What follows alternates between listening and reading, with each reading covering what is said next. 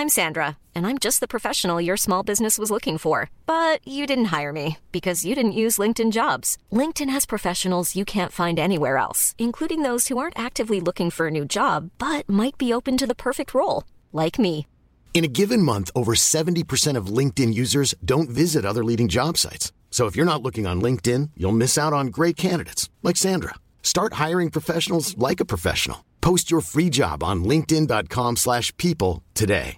Quality sleep is essential. That's why the Sleep Number Smart Bed is designed for your ever-evolving sleep needs. Need a bed that's firmer or softer on either side? Helps you sleep at a comfortable temperature? Sleep Number Smart Beds let you individualize your comfort so you sleep better together. JD Power ranks Sleep Number number 1 in customer satisfaction with mattresses purchased in-store. And now save 40% on the Sleep Number limited edition Smart Bed for a limited time. For JD Power 2023 award information, visit jdpower.com/awards. Only at Sleep Number stores or sleepnumber.com.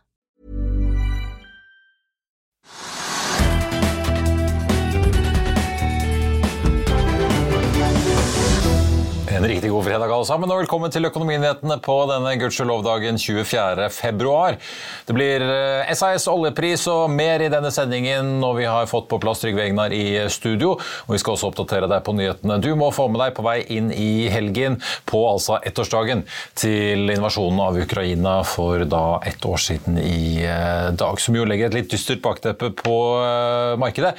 Men hvis vi ser på Oslo Børs, så endte jo den da opp 1,3 i går. I dag har vi vært så vidt i pluss etter å ha svingt litt og slitt litt med å finne retningen gjennom dagen. Uken blir nok likevel i pluss. Vi endte jo da forrige fredag på 100, 1229 poeng, og nå ser det ut til at vi ender rundt 1235 i dag, så en liten oppgang der altså.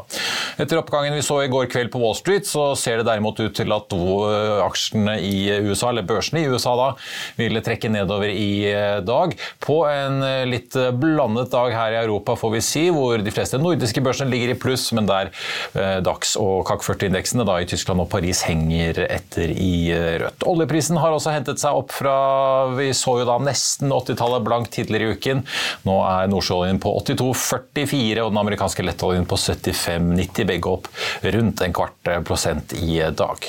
Tomra har kommet med kvartalstall i dag, Aksjen har svart ned snaue 2 Tallene viste rekordhøye inntekter for pante- og gjenvinningsselskapet i får vi si, alle divisjoner og inntjeningen overgikk også analytikernes forventninger. Okeanis Ecotankers har også kommet med tall. De belønnes derimot med en oppgang på rundt 7 Den greske si, utbyttemaskinen tjente rekordmye i fjerde kvartal, kjører på med utbytter og har sikret skyhøye rater da så langt i år. Skana også ute med tall. Ny omsetningsrekord der på tampen av 2022.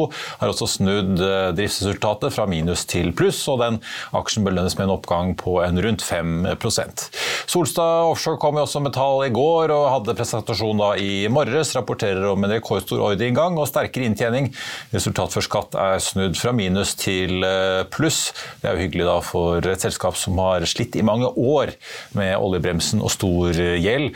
Aksjen handles fredag ned rundt et par prosent. Til slutt CM Offshore ned rundt 10 i dag, etter å ha gått fra pluss til minus i fjerde kvartal i fjor.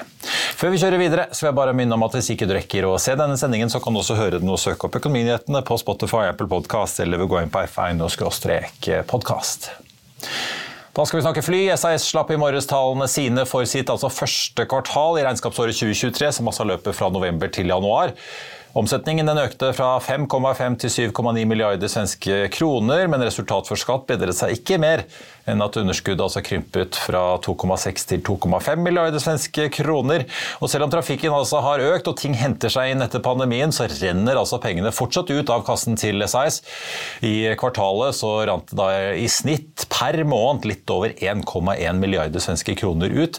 Men det er ikke bare dårlige nyheter, for SAS skriver nå at selv om de altså beholder guidingen sin for i år, regnskapsåret 2023 altså, så forventer de å skru opp prognosene sine for 2024 og utover mot 2026 sammenlignet med hva de da spådde i høst. Vi snakket med SAS-sjef Anko van der Werft litt tidligere i dag og spurte om hva som driver den økte optimismen de nå begynner å legge inn i kalkylene. Bare se her.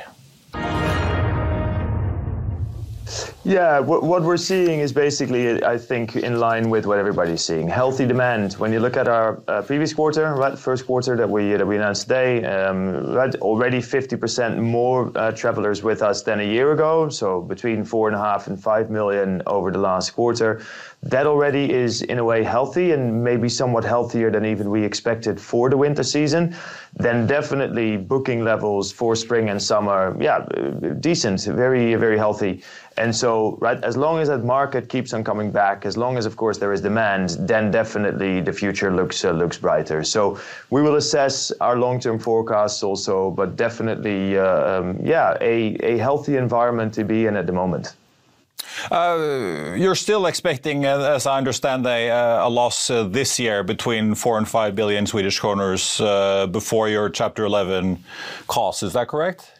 Yeah, that's uh, that's correct. And so for us, definitely uh, this year is the call it last year at least that we uh, that we intend to be uh, loss making. And next year we have already shared that uh, some months ago. Next year is that uh, that year. This year is the year of the transformation. This year is that year of call it the yeah the restructuring.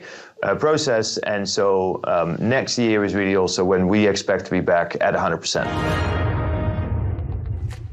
Vil du bli oppdatert på det viktigste som har skjedd innen finans og næringsliv? Da er det bare å følge med, for hver morgen er jeg, Marius Lorentzen og aksjekommentator Karl Johan Malnes på plass i studio for å ta tempen på dagens marked i Børsmorgen. Og hver ettermiddag oppsummerer vi alt du trenger å vite i økonominyhetene, og det blir selvfølgelig masse interessante gjester. Klikk deg inn på fa.no-tv, eller søk opp Børsmorgen og Økonominyhetene der du hører på podkast. Vi jobbet jo med Trygve, som vi snakket om i morges med SAS-sjefen, at eh, emisjonen som har, har, varslet, er snart på trappene. Men ting i denne Chapter 11-restruktureringen tar jo lengre tid enn det de hadde trodd og håpet på. Har du, har du trua på at dette blir det siste året med underskudd for SAS? da? Eh, det er vanskelig å si. Altså, de tapte jo da 2,5 milliard, som du kom frem med i, i sendingen din. 2,5 milliard de siste tre månedene. Tapte det samme i fjor. Uh, han er nå veldig optimistisk og sier at til neste år, altså 24, så vil det bli overskudd. Ja, Det kan, kan, skje, men det er også litt tvilsomt. Det er liksom litt håp og greier, og hvor mye vil prisene øke, og hvor, hvor mye vil belegget øke. Men det vi vet, er at det er, de er en konkursprosess fortsatt, Marius. Og den konkursprosessen så, så, er de tvunget til å legge frem planer for hvordan de skal drive selskapet billigere, spare 6-7 milliarder kroner i året. Den planen har de ikke. De later som de har den, men de har det ikke. Og I tillegg så er det også slik at de skal, skal konvertere masse gjeld i aksjer. Det har de ikke gjort.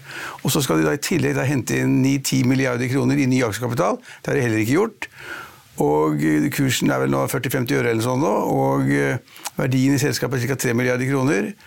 Og da å tenke seg at man får da liksom konvertert all denne gjelden til aksjer, og samtidig får den nye kapitalen, 10 milliarder kroner, uten at de gamle aksjonærene blir helt radert ut, det har jeg ingen tro på. Nei. Den kursen går mot null. Det kan godt tenkes at da SS-kursen går mot null, og de som er så dumme av aksjer i dag, og sitter på dem, eh, de vil få en smell. Og så kan det da tenkes at de får inn kapitalen på bekostning av alle de gamle aksjonærene, og at det da liksom skal vi si, halte litt videre eller hinke litt videre til neste år. Det er mulig, man kan ikke utelukke det, men jeg syns det går veldig sakte. De underdriver prosessene med Chapter 11, som er en konkursprosess. De underdriver hva det kommer til å koste. De kommer til å betale skjorta for de prosessene de er inne i nå. Og de har en sånn brofinansiering, som det heter. Som da, den er dyr. Den er superdyr. Jeg vet ikke hva de betaler, men det er kjempebeløp. Og det, de, de, som da Apollo, det systemet er råtøffe typer, og de vet hva de skal ha. Og de kjører nå på, og de ligger i avtalen, så vidt jeg har sett, en forutsetning om at da disse kostnadskuttene skal tas med de ansatte, kabinpersonale, flyvere, hva det måtte være, før da de får de pengene de, de, trenger. Og de trenger pengene desperat, så de kommer til å gjøre hva som helst. Så at selskapet kommer til å bli, de blir ikke strippet, men det blir liksom da nedskalert. Og de kommer til å få helt nye eiere, og de kommer til å få en helt annen kurs. Øh, og så er veldig langt nede hvis de kommer i gang igjen i 24-25. De ligger jo, øh, jeg trakk jo, vi, vi snakket litt forbi hverandre, SAS-sjefene i morges, fordi jeg, jeg slo litt opp i kontantbeholdningen nå utover høsten. Eh, og jeg dro den jo fra september, han trodde jeg snakket om eh, fra oktober. Men altså, de endte september med 10 milliarder på bok. Avslutte nå i januar med 5. Det har altså gått ut 5 milliarder kroner. ja, og de, I kvartalet nå 1,1 milliarder i måneden. Det er litt sånn servettregnestykke ti ganger så mye penger som Norwegian. Eh, Svea i sitt fjerde kvartal i kalender har riktignok ikke helt epler for epler, men likevel.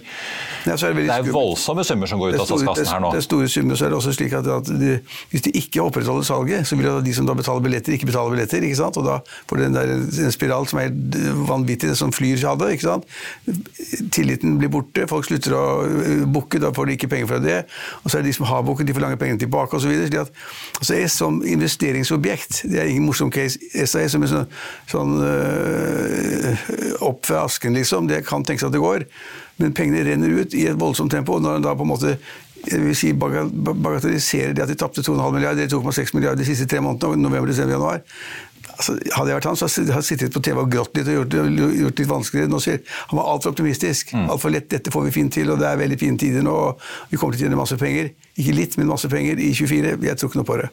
Vi får se. Norwegian har jo sagt at de ser på en måte et solid billettsalg, men de advarer jo om hva drivstoffpriser, økte renter, inflasjon, resesjon kan gjøre med etterspørselen og reiselysten. da. Ja, men Det er veldig godt poeng. Altså, driv, drivstoffkostnadene er langt høyere enn, det man regnet med. Og I dag kommer det interessante meldingen da om at det ser ut som da Jon Fredriksen, som er største aksjonær i Norwegian, at han har solgt mye av aksjene sine, nå har han bare halvparten igjen. Og Hvis han har vært så smart å selge ut av liksom den toppen som har vært nå ikke sant? Alt har gått Norwegian fikk seg et veldig løft etter sin kvartalsrapport. ja. Ja. Og etter Flyr ble borte og sånn? Alt ble positivt. Så hvis han har vært så smart at han går ut av flyaksjer nå, da har han doblet pengene sine. Og det er ganske godt gjort. Doble de pengene igjen til flybransjen som har vært i krise. Men man vet ikke da om han har solgt aksjene, eller om han har lånt dem ut i shortsteder. Det vet man ikke. Det kan tenkes at han lånte ut de som skal drive shortsalg. Eh, og jeg, jeg, si, jeg håper nesten han har solgt, for det viser at da kan du være proff også i det markedet hvis du har mye penger. Hvis man er lur. Men eh, penger. for det er i hvert fall da, det, vi får advare om det. Å kjøpe SAS-aksjer nå, det er jo, da er du jo utsatt for en akutt utvanningsfare, som selskapet selv skriver i, i børsmeldingen. Ja, 40 øre, kursen i dag, la oss si at kursen er 40 øre, det vil da synke Gå til 10 eller 1 eller et eller annet øre. Ja. 10, 5, 10, altså 3-4-5 øre, vil jeg tippe. Men det, det, å si da, Hvis du blir med på emisjonen som kommer inn med ny kapital, da, så Ja. kan, du for så vidt, eh, kan man kanskje i hvert fall begynne å se noe. for jeg, jeg ser jo regnskapet, Hvis du tar ut av leasingforpliktelsene som blåser opp gjelden til alle flyselskapene, for det er alle fremtidige regninger du må betale eh, Vi ser på faktisk rentebærende gjeld, så er den 21 milliarder drøye det svenske kroner. De skal konvertere 20 sider, så hvis de får dette til, så vil de jo komme ut av dette her som et tilnærmet gjeldfritt selskap, litt som Norwegian Jo. da de ble restrukturert under pandemien. Men hvis de kommer inn da, på kurs to, to øre, da I dag er det 7 milliarder aksjer. sånn, Hvis de kommer inn på to, to øre, så kan de spekke på at de to ørene blir fire øre. Det er 100% det kan de tjene penger på. Men jeg ville ikke gjort det. Nei. Så jeg, jeg vil, Nei, det er høyrisikabelt. Og så må du da komme inn, ikke sitte der med dagens aksjer, men komme inn med de nye. Du kommer inn med de nye, og de Dagens aksjer blir borte, helt sikkert. Det er rimelig sikkert. Og de nye aksjene da blir emisjonskursen for at du skal få solgt de, de, de aksjene. Det må bli ned på 10-15 øre eller 3 øre eller et eller annet sånt nå. Og det kan man da prosentvis se som man kan gjøre en kjempegod business på, men penger av det blir ikke. Nei. Så får vi si De har i hvert fall klart å lande øh, unnskyld ordspillet, alle avtaler med alle leasingselskapene sine. Og da for hele, Ja. de har, i hvert fall sier de har spart en milliard svenske kroner årlig på å få ned leieprisene på flyene. Ja, det er herlig. Jeg bare sier at De er i konkursprosess, Ja. og de skal gjennom prosesser som ikke vi aner om. Både konverteringer og ny kapital. Og gå rundt i, i, i, i aksjemarkedet og si nå at dere kan dere bidra med 10 milliarder kroner i ny kapital til SAS, som det går så dårlig. Vi vet i hvert fall Sverige og Norge har takket nei. Danmark sier de er med. Så får vi se hvilke private investorer som eventuelt øh, kaster seg på. Skal vi, vi må snakke litt om øh, renter, lønnsoppgjør, for det har jo skjedd litt på den fronten. øh, og ikke Ja. bare på børs denne uken. Vi har fått tallene fra Teknisk beregningsutvalg, som jo er en slags sånn fasit når man går inn i lønnsoppgjøret. I hvert fall de foreløpige tallene fra TBU. Du har skrevet om eh, lønnsoppgjøret litt i lederne i uken Ja. også. Om Ja, altså, eh, ja. lederlønninger og altså det som er interessant, er at TBU har kommet med tall Ja. som man kanskje kan tro på. Og så de er, nå sier de liksom at prisvekten skal bli i underkant av 5 Og tariffpartnerne må da ha 5% lønnstillegg i oppgjøret for å komme til i null omtrent. ikke sant? Nesten alle grupper tapte siste året tapte penger. altså TBU bommet, alle andre bommet. Og Man trodde at prisveksten skulle bli langt lavere, liksom ned på 2-3 prosenttallet. Og så skulle man da få en lønnsvekst på 3,7 eller sånt, og det skulle de fleste få. Og så ble det da, istedenfor å få en, reallønnsvekst, så fikk man et ganske sterkt fall i realinntekten. Det var ikke bra. Og så har man da funnet ut, LO har funnet ut, og ETB har funnet ut, at de, da, de eneste omtrent da, som hadde en så sterk lønnsvekst at de fikk en reallønnsvekst, det var da liksom de lederne. Lederne for alle norske selskaper. Og olje, folk som jobber i oljeindustrien. Og det er mye bonuser. Ja, og det, man, man ble veldig overrasket over at alle de som jobber i oljeindustrien eh, fikk lønns, lønnstillegg. Det er latt- latterlig. Altså, aldri tidligere har norsk oljeindustri hatt det bedre. Aldri tidligere har Equinor tjent mer penger. Så det var helt opplagt at disse selskapene ville gi bonus til de ansatte. og Derfor kom de godt ut. Nå derimot er man mer, tror jeg, mer sånn, kommet frem til en sånn felles holdning at, at prisveksten den vil være sånn i underkant mellom 4,5-5% Det tror jeg også. Den ligger på 7 nå, så det skal jo ned. Og På det nivået så tipper jeg da at LO vil gå ut og si at vi må da ha 5% lønnsvekst for å få, altså få medlemmene til å gå inn for det. Det vil si altså null reallønnsvekst. Men de vil si at de skal ha reallønnsvekst. De kommer Ikke ikke til å få tape det. kjøpekraft, er Nei, vel nettopp. de, men de kommer ikke til å få det. Så kan de selvfølgelig heve at de, starter, de, de kan starte med å kreve 5,5 da, ikke sant? Og så tipper de da kanskje at prisveksten blir litt under 5 ikke sant? Det blir en liten pluss. Men det er veldig usikkert. Det skjer så mye rart at det, man kan ikke si hva det går om. og Jeg har hatt moro av å se på lærerne som da streiket i 14 uker eller noe sånt. Fikk null ekstra. De, de ble tilbudt 3,7 De endte på 3,7 Omfaget setter liksom eh, endte på Ja. 3,7 og så er det slik at det var visse grupper som da ikke fikk eh, betaling hele tiden. Så snittet for lærerne var jo 3,3% Så De var de store taperne i fjor, og de kommer til å bli de store taperne i år også. De har ikke lært noen ting. De skjønner ikke at vi har den såkalte frontfagsmodellen, som, som vil gjøre at lærerne får det de, den delen av industrien som er mest utsatt, den som er konkurranseutsatt, og den lønnsveksten som den delen av industrien får for å kunne overleve, Akkurat det samme tallet kommer lærerne på, og mange andre da i offentlig sektor, både privat og statlig, i kommunal og privatlig, statlig sektor. Så nå har altså, lønnsoppgjøret har startet med litt sånn, litt sånn føling. LO har gitt noen signaler, og jeg tror det kommer til å gå ganske bra. Og så er det slik at Dette er sånn mellomoppgjør, så det er bare lønn som gjelder. Det er ikke, det er ikke, liksom- Ikke noe annet. Ikke noe annet. Og det betyr at det er bare hvert eneste øre de slåss om. Og det blir rundt, altså det blir rundt 5 De kommer til å fighte alle sammen. Ja. ja, for de anslår prisveksten i år da, på 4,8. I fjor var den ifølge SSB da 5,8. Ja, Med derfor- derfor blir det stort et minus. lønnsoppgjør på 4,1, så da gikk jo alle ned. Da. Alle, alle gikk ned i realen. Ja. Men eh, apropos eh, det, da. Denne inflasjonen gjør jo at eh, jeg ser både nå makroøkonomer her hjemme, men også banktopper i USA snakker om at eh, kanskje rentenivået fra sentralbankene kommer til å være høyere lengre enn vi tror. Dette har vært en sånn pågående diskusjon. Marius? både Danske Bank, Nordea har jekket opp sine prognoser. Jamie Dimon, JP Morgan-sjefen, var på CNBC i går og sa at han, han mener Federal Reserve har mistet litt av kontrollen. Det er jo fri, Ja, er kjempe- frisk kost fra den kanten. Ja, det er kjempemorsom uttalelse, men altså, jeg vil jo helst ikke bli beskyldt for hva sa jeg, hva var det jeg sa. Men jeg har jo hevdet det lenge, at altså, sentralbankene må gå mye høyere, få rentenivået opp for å få inflasjonen ned. Altså, vi har en altfor sterk inflasjon i Norge fortsatt. er Liksom, det er syv- Syv, som du sa, ja. ja. EU-området på 8% ikke sant? Storbritannia kom for tre uker siden med over 10 ikke sant? Og USA er litt lavere, men poenget er at rentene var altfor høyt. Sentralbankene de kommer til å måtte ta i noe ganske kraftig. og Det har vi skrevet, jeg har skrevet mange ledere om. Jeg syns det er liksom skummelt at det ikke skjer noe. Så rentenivået vil gå opp i USA. Det var, vi så det i går også. Tiåringen holdt på å gå gjennom eh, firetallet. Falt litt tilbake igjen etterpå, men altså, i USA trodde man jo det at liksom, økonomien var veldig dårlig. Den er ganske god. Liksom, den, alle de, de tallene som kommer, viser at den går bedre enn man trodde. og Derfor så vil inflasjonspresset være høyere. og For å få det inflasjonspresset ned, ned mot 2% som er målet, både i USA, i EU og i Norge, så må renten opp. Så det er en stor fare for at renten kommer opp, og det betyr at det er veldig negativt for aksjemarkedene. Hvis man da liksom presser renten ytterligere opp. og det, så- det er det man er redd for nå. Og så man da, trodde man en periode, helt frem til nå, så trodde man at liksom både i USA og i Europa og i Norge vil man få en form for resesjon som på en måte ville holde aktiviteten nede. Og ikke trykke sant? ned i Ja, for arbeidsmarkedet ned. alt, ja. Så at ikke sentralmarkedet hadde det store presset på liksom å sette opp renten for å få aktiviteten ned, det har ikke lykkes. Ingen som ser noen resesjon noen steder. Det går bedre i USA enn man trodde, det går bedre i Norge enn man trodde, og det går bedre i EU enn man trodde, med liksom positiv BNP-vekst og, og, og ganske sterkt press på lønningene. Så vi er inne i en situasjon nå hvor det at liksom, hvor blir det av resesjonen, liksom? Den kom ikke, den har ikke hjulpet. Ok, da må sentralbanken sette opp rentene, og det var det Jan Diamond sa i går.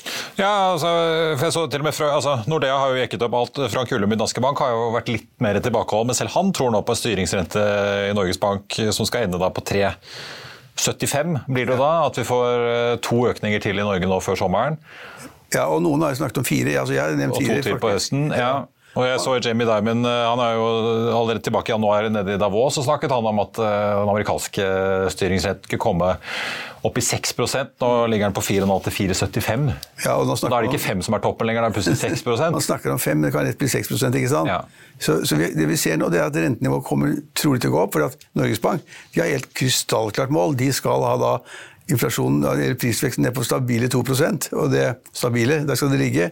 Og Det er ikke i nærheten foreløpig. så det er, og det liksom ikke slik at, det er ikke slik at de som omvender, altså finner på noe annet i løpet av noen måneder. De har et, et, spor å gå, og de har også EU, og de har USA. Så, derfor, så jeg bare sier at opp, det, det, går kanskje ikke alltid som man tror, og tar litt tid osv., men i øyeblikket ser det ut som rentenivået vil bli høyere enn alle har trodd. Og blir det det, så vil det også da vise seg at det har negativt for aksjemarkedet. Jeg får bare si Vi hadde besøk av DNB Markets eiendomsanalytiker Simen Mortensen her i morges som ganske interessant advarte om at flere i eiendomsbransjen går rundt og tror at rentene skal ned, eller at nå har vi allerede nådd toppen. og Han sa at det, det Nå siterer han litt løst her, men det blir ikke pent for å si sånn, hvis vi skal opp da til 3,75-4 til Norges Bank. Da er det en god del aktører som begynner å få ordentlige problemer. Ja, For det første så er det de private husholdningene som har hus, som har boliglån. De vil merke en kraftig renteøkning. Og så har vi da de som har lånt altfor mye penger på forretningseiendommer eller lagerbygg eller hva det måtte kalle det. Seg fire? Ja, altså, ja, De hadde kanskje en rente på to før, ikke sant? og så plutselig skal de betale 4-5% Det vil si at hele gilden er borte. og Det betyr at de kommer til å tape penger. Mm. Og mange I Sverige er det store eiendomsselskaper som har kursene halvert. fordi de store eiendomseierne i Sverige de har lånt altfor mye penger til nesten nullrente. Og nå går det raka veien andre veien. Og det ser ikke bra ut. Så, Så vi har noen sånne litt sånn stygge tider foran oss i enkelte markeder, og det er særlig da innen innen da, altså næringseiendom. Da. Altså, han forventer at flere av disse, som vi også har sett Enterøyere, må fortsette å selge unna eiendom eh, fremover for å få inn penger i kassa. Ja, det er nesten rart å tenke på sånn, Vi sitter i Norge nå, alle er fornøyd, alle er på ferie, vinterferie, påskeferie ja, Vi er på jobb, da. Ja. vi er på jobb, Men alle andre liksom tar seg gode ferier, alt, alt, alt, går så bra. Men rente, rentetrusselen er mye større enn den har vært på lenge. Det. Så det eneste som gjør at vi i Norge er litt heldige, Marius, for å si det på slutten, det er det at oljeprisen holder seg høy. Ja, for det er det jeg tenkte vi må avslutte med oljeprisen. Den er 82 dollar, 82 dollar fatet, 83 dollar fatet, og alle sier at energisektoren er det eneste som holder. Og I Norge så er det slik at en del av disse offshoreselskapene som har gått dårlig, nå går de bra. De får gode rater. Alle tror fremdeles at riggmarkedet skal opp, fordi at oljeselskapene i mange mange år har, har liksom investert i altfor lite i drilling og leting osv. Nå må de ta igjen det, for at verden skal ha energi. De skal ikke bare ha grønn energi, de skal ikke, skal ikke bare ha vind og sol, de skal også ha olje og gass. Og at oljeselskapene har gjort en stor feil i mange år, det skal de ta igjen. og det, Da må de bruke og kjøpe alle mulige tjenester for å få det til. Eh, og Det er det som har holdt en del av markedet oppe, faktisk. og Det, det kan tenkes det er riktig, jeg vil ikke si at det er feil. Men i alle fall så er det slik at eh, energisektoren på børsen er den som holder det oppe. Og også i USA begynner de å snakke om liksom at de store oljeselskapene det er der man burde ha pengene. Ja, fordi at oljeprisen er høy, gassprisen er høy, og da renner pengene inn. Det kan snu, men det renner inn for tiden. Ja, ja. Og eh, det var, nå var det en diskusjon om Equinor, om politikerne skal tvinge dem til å trekke seg ut av landvirksomheten på skifer i USA.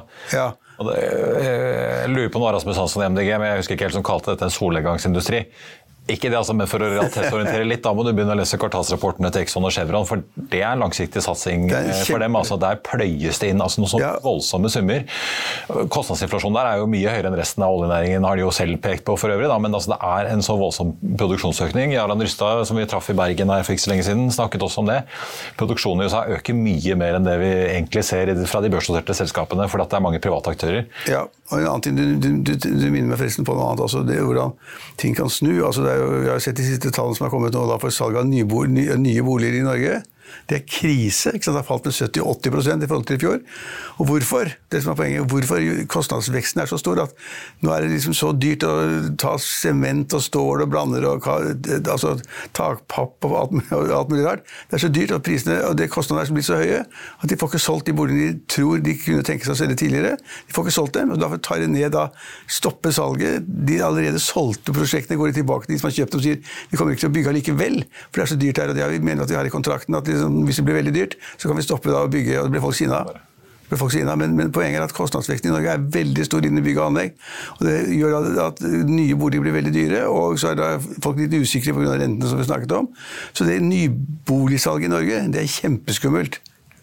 Og som, eh, for å bare ta den, Simon Mortensen vi snakket med Selvåg bolig, han mener jo markedet har ikke tatt inn over seg hvor mye inntjeningen til type aktører som Selvåg bolig og sånn skal ned. Nei. For det regnskapene viser nå, er jo det de har solgt på som de leverer til kunder nå. Men det er jo ting som ble satt i gang for to-tre år siden. Nettopp. Og Solon Eiendom, det selskapet selskap som har på en måte, har vært mye sånn surr rundt i flere år, som kjøpte store prosjekter liksom utenfor byene stopper masse av prosjektene. Vi, altså vi, vi, går rundt og tror liksom en sånn evig sol, solnedgang og alle har det bra, men, men, men, det er skummelt. Det er faktisk skummelt at man sier da innen de, som, de som er entreprenører og bygger nye boliger, de sier at vi bygger ikke lenger, vi, vi får ikke solgt det, det er for dyrt. Mm. Hva, og hva skal da gå ned? Skal lønningene gå ned? Skal liksom sementen bli billigere? Skal drivstoffkostnadene bli lavere? Ja, jeg... Eller eh, kutte tilbake på byggekrav, som øker kostnadene? For eksempel. Men det er masse rart man må gjøre, i hvert fall, men man får ikke er i hvert fall mulighet, selv om jeg kanskje slitsomt at det skjer. Men man får ikke solgt bolig nå for tiden, i hvert fall. Nei.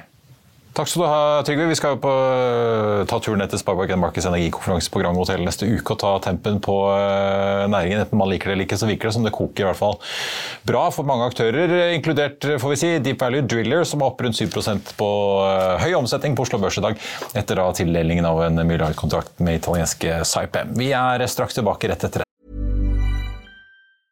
I'm Sandra, and I'm just the professional your small business was looking for. But you didn't hire me because you didn't use LinkedIn jobs. LinkedIn has professionals you can't find anywhere else, including those who aren't actively looking for a new job but might be open to the perfect role, like me. In a given month, over 70% of LinkedIn users don't visit other leading job sites. So if you're not looking on LinkedIn, you'll miss out on great candidates like Sandra. Start hiring professionals like a professional. Post your free job on linkedin.com/people today. I'll see you in court. Vi sier det ofte litt på spøk, men for deg som driver business, er det aldri moro å innse at du ikke har laget en 100% gyldig kontrakt. Du bør ikke risikere hele firmaet ditt fordi du synes dette med kontrakter er litt stress. En avtale er ikke en avtale. Du kan miste kunder, miste venner, ja, til og med miste inntekter, om du ikke lager en skikkelig kontrakt, på alt mulig, egentlig. Men vi vet det er et styr kopimaskiner, tregprinter og haugevis av papir. Dessuten stoler vi jo på folk her i landet. Det er ofte litt kleint å skulle be om en signatur for alt mulig, ja, for mye av styret handler også om jakten på underskriften. Det finnes en enkel måte å løse dette på, Dukkobit, en trygg, effektiv og get this, gratis måte å sikre seg en god natts søvn pluss en juridisk bindende avtale. Dukkobit-appen har de strengeste sikkerhetskrav i bunn, samt en EU-godkjent og sertifisert teknologi. Framover vil det bli behagelig å spørre du, skal vi skrive under på det, eller? Kom i gang på dukkobit.no. Velkommen tilbake. På tampen av sendingen så tenkte jeg bare kjapt å se over eh, markedet og de selskapene vi har snakket om. SAS litt litt ned på kvartalstallene sine i dag, ligger nå ned på tampen av dagen en 4% da til 42,5 øre aksjen, som vi var inne på litt tidligere. Så går jo selskapet med underskudd, pengene renner ut, men som vi også sa da, så forventer jo selskapet faktisk bedre langsiktige utsikter enn det de turte oss på i fjor høst. Konkurrent Norwegian har vært oppe i dag, men har falt litt tilbake mot eh, slutten av dagen. Ned nå 0,4% Konkurrenten Norse Atlantic, som SAS konkurrerer med over Atlanteren, får vi si, til USA.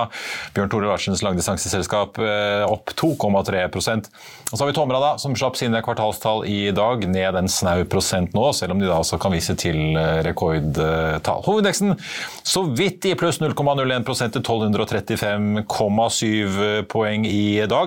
Får litt drahjelp av Equinor som er opp en snau halvprosent, Aker BP derimot. DNB og Hydro alle ned, hvis de da går nedover mest omsatte listen. Ellers så er det Bl.a. aksjer som Frontline PGS som eh, preger dagen. Vår Energi trekker også ned, men den, går da, den er ned av 3% men den er jo da x utbytte i dag, får vi jo ta med. Ellers så er jo da uh, Futures på Wall Street fortsatt i rødt, så det kan bli en ganske sur børsåpning der på tampen av uken da når handelen kommer i gang om en halvannen times uh, tid. I Finansavisen i morgen på lørdag så kan du lese Trygve Egnars leder om Sofie Elise og at mye kan gå galt når NRK skal diskutere seg selv. Det blir mer om hvordan skistar og alpinko ruster norske fjellheimer for å ta opp kampen mot Alpene. Det blir profilintervju med Elkjøp-toppen Linda Frid Andresen, som fikk ansvaret for 15 milliarder omsetning, over 3000 ansatte og et selskap som opplevde et voldsomt marginpress. Det blir også selvfølgelig masse bil, vin og annet helgestoff, inkludert eh, test av den elektriske E-klassen, hvis vi kan kalle dette Mercedes. Mercedes da EQE 300. Det var det vi hadde for deg på denne fredagen og denne uken, men det betyr ikke at nyhetsstrømmen tar helg helt ennå de viktige inflasjonstallene PCE i USA, som Federal Reserve alltid følger nøye med på, kommer 14.30. De får det selvfølgelig på FA.no. Mitt navn er Mai Marius Thorensen. Tusen takk for at du så eller hørte på. Vi er tilbake på mandag morgen 08.55 med Børsmorgen. Ha en riktig god helg alle sammen. Takk for nå.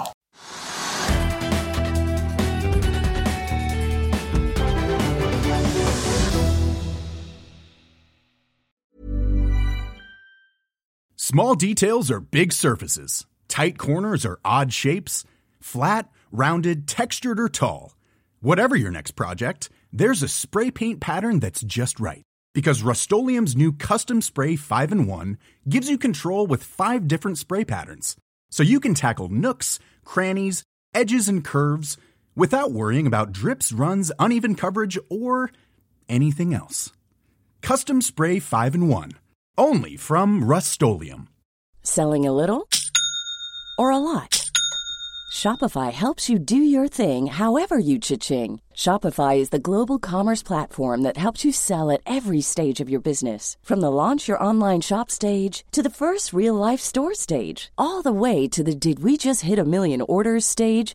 Shopify is there to help you grow. Shopify helps you turn browsers into buyers with the internet's best converting checkout. 36% better on average compared to other leading commerce platforms because businesses that grow grow with Shopify. Get a $1 per month trial period at shopify.com/work. shopify.com/work. Even on a budget, quality is non-negotiable. That's why Quince is the place to score high-end essentials at 50 to 80% less than similar brands. Get your hands on buttery soft cashmere sweaters from just 60 bucks, Italian leather jackets, and so much more. And the best part about Quince, they exclusively partner with factories committed to safe, ethical and responsible manufacturing. Elevate your style without the elevated price tag with Quince. Go to quince.com/upgrade for free shipping and 365-day returns. Økonominyhetene er en podkast fra Finansavisen. Programledere er Marius Lorentzen, Stein Ove Haugen og Benedikte Storm Bamvik. Produsenter er Lars Brenden Skram og Bashar Johar. Og ansvarlig redaktør er Trygve Hegnar.